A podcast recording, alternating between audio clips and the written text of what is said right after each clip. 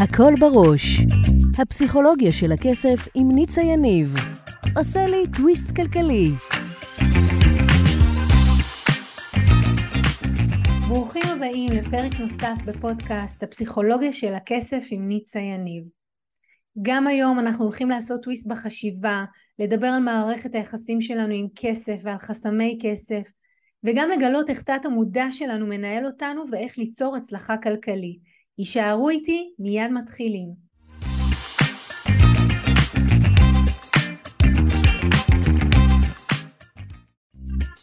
הכל בראש, הפסיכולוגיה של הכסף עם ניצה יניב. עושה לי טוויסט כלכלי.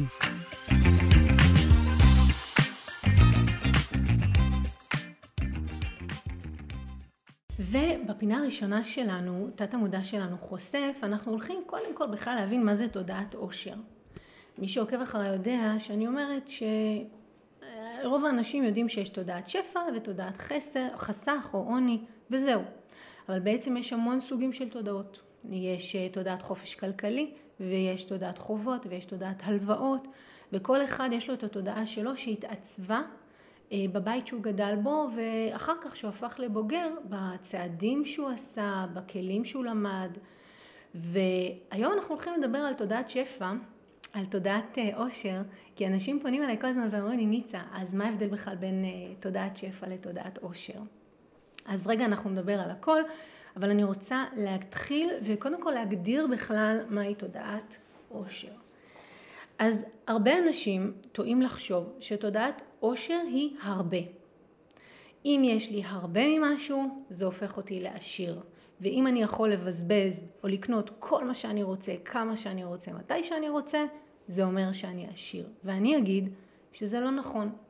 תודעת עושר, בראש ובראשונה, היא חוויה של רווחה פנימית, ידיעה עמוקה פנימית שיש לי בעברית תקנית אומרים כדי כל צורכי, שיש לי לכל מה שאני צריכה והרבה הרבה מעבר לזה.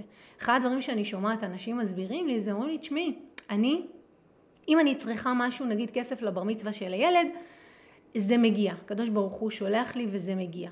ונכון, הרבה אנשים כשהם צריכים משהו מגיע, אבל מי שיש לו רק כדי צורכו, זאת אומרת כל מה שהוא צריך כדי לחיות, לא שם אותו בהכרח בתודעת עושר, אוקיי?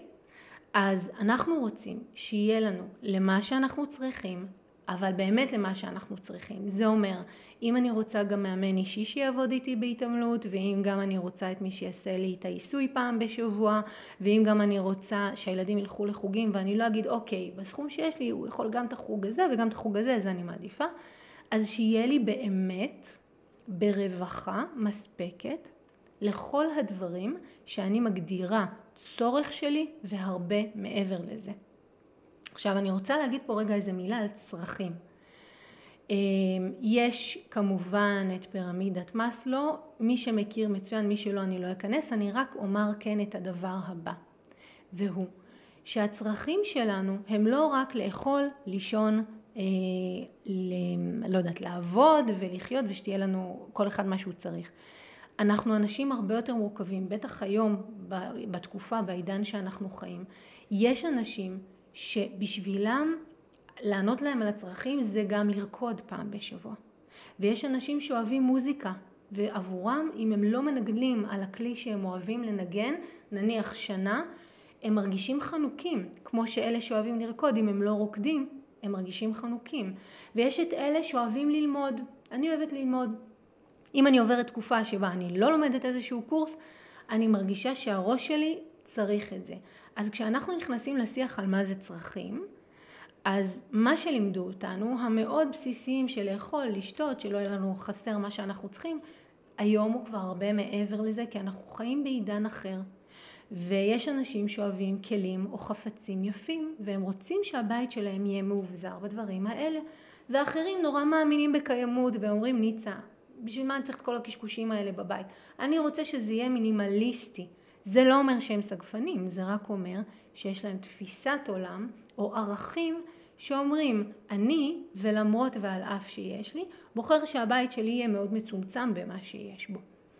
ולכן כשאנחנו רגע מגדירים מה זה להיות עשיר אז שיש לי ברווחה, לכל מה שאני צריך, וההגדרה שלנו לצרכים הבנו שהיא היום לא מה שהיא הייתה פעם, בטח לא מה שההורים שלנו הגדירו צרכים, ואני רוצה לספק לעצמי את כל הצרכים האלה, והרבה הרבה מעבר לזה, ואני רוצה להיות במקום שאם אני רוצה אה, להתלבט בין חוג לאורגנית או גם לעשות אה, קורס, אני לא צריכה להיות במקום שאני צריכה לבחור או זה או זה. אני יכולה לתעדף מהמקום שכמה בן אדם יכול להספיק ב...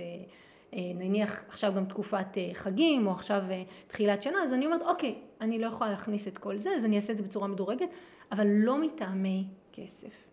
אז תודעת עושר בראש ובראשונה היא חוויית רווחה מאוד עמוקה.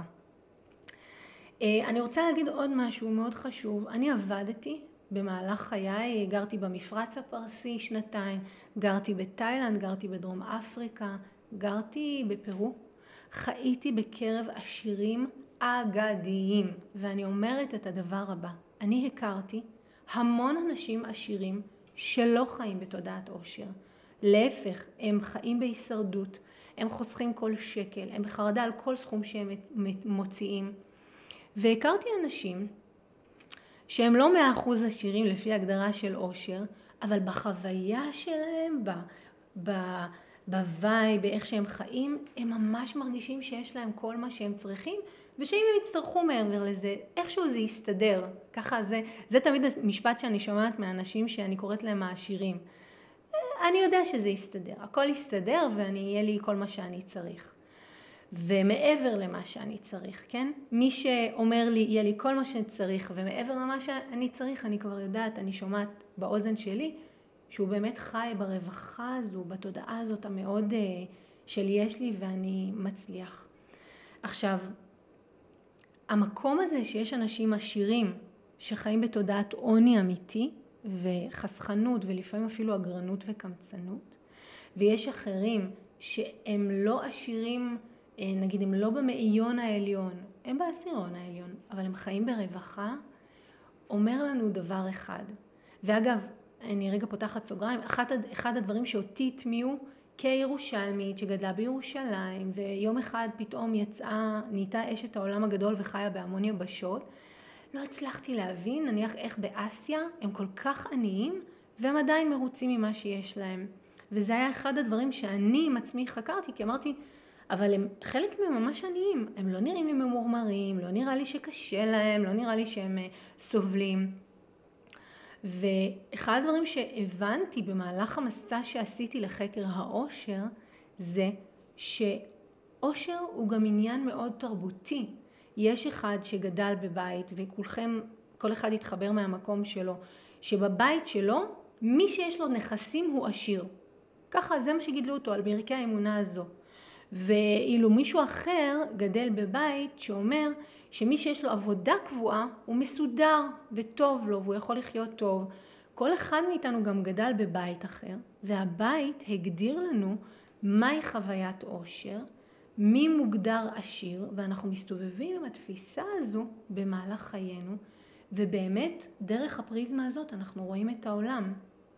אז אני רוצה לשאול אתכם עכשיו, תשאלו את עצמכם מה זה בשבילכם להיות אדם עשיר? מי הוא אדם עשיר?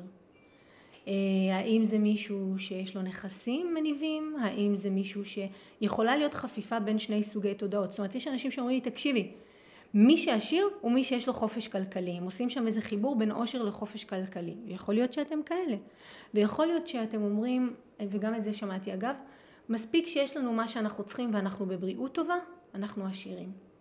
אז גם המושג הזה הוא מושג, אני לא אגיד חמקמק, אבל הוא בהחלט מושג שאף אחד לא ישב והגדיר את התודעות מבחינה אמפירית, מבחינה מדעית, ואמר בין הסכום הזה לסכום הזה אתה עשיר, כן יש הגדרה כזו למיליונר, לא לאושר, לתודעת אושר, וכל אחד מאיתנו יש לו את הפרשנות שלו.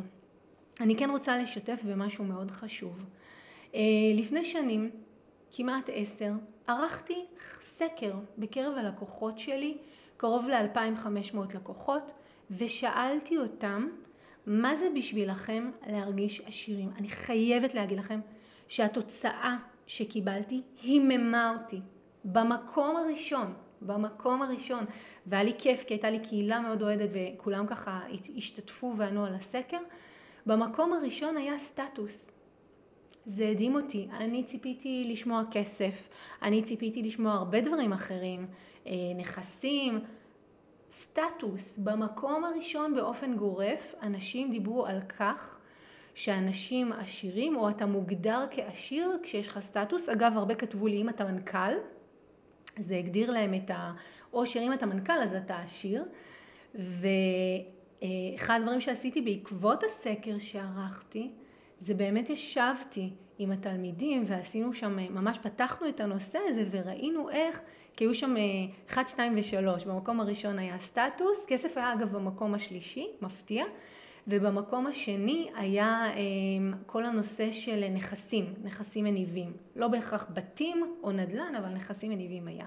אבל מספר אחת באמת הימם אותי, ואני באופן אישי הולכת עם המחשבה הזאת, עם הידיעה הזאת מאז, ו, וכל הזמן מזכירה לעצמי, ואומרת גם לכם, יש לנו נטייה שמה שאנחנו חושבים אנחנו משליכים את זה על העולם.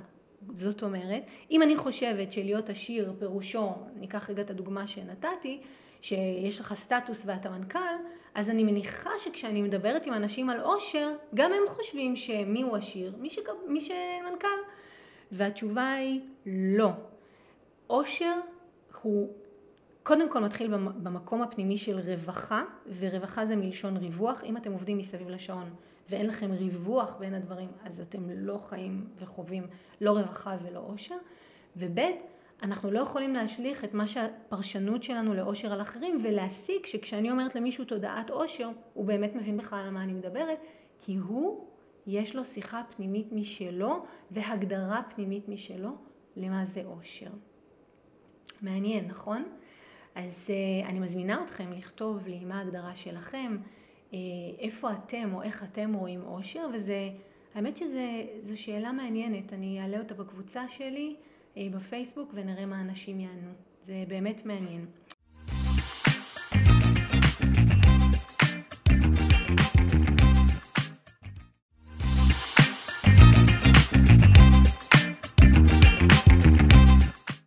אהבתם את הפרק, שתפו אותי למה התחברתם, ממש מעניין אותי לשמוע. אם בא לכם ללמוד עוד על הפסיכולוגיה של הכסף, הנה המקומות שאתם יכולים להתחיל בהם.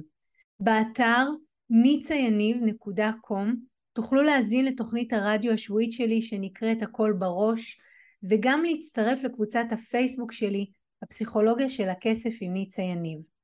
אם אתם עדיין לא עוקבים אחריי בפייסבוק, באינסטגרם או ביוטיוב, זה בדיוק הזמן לעשות את זה.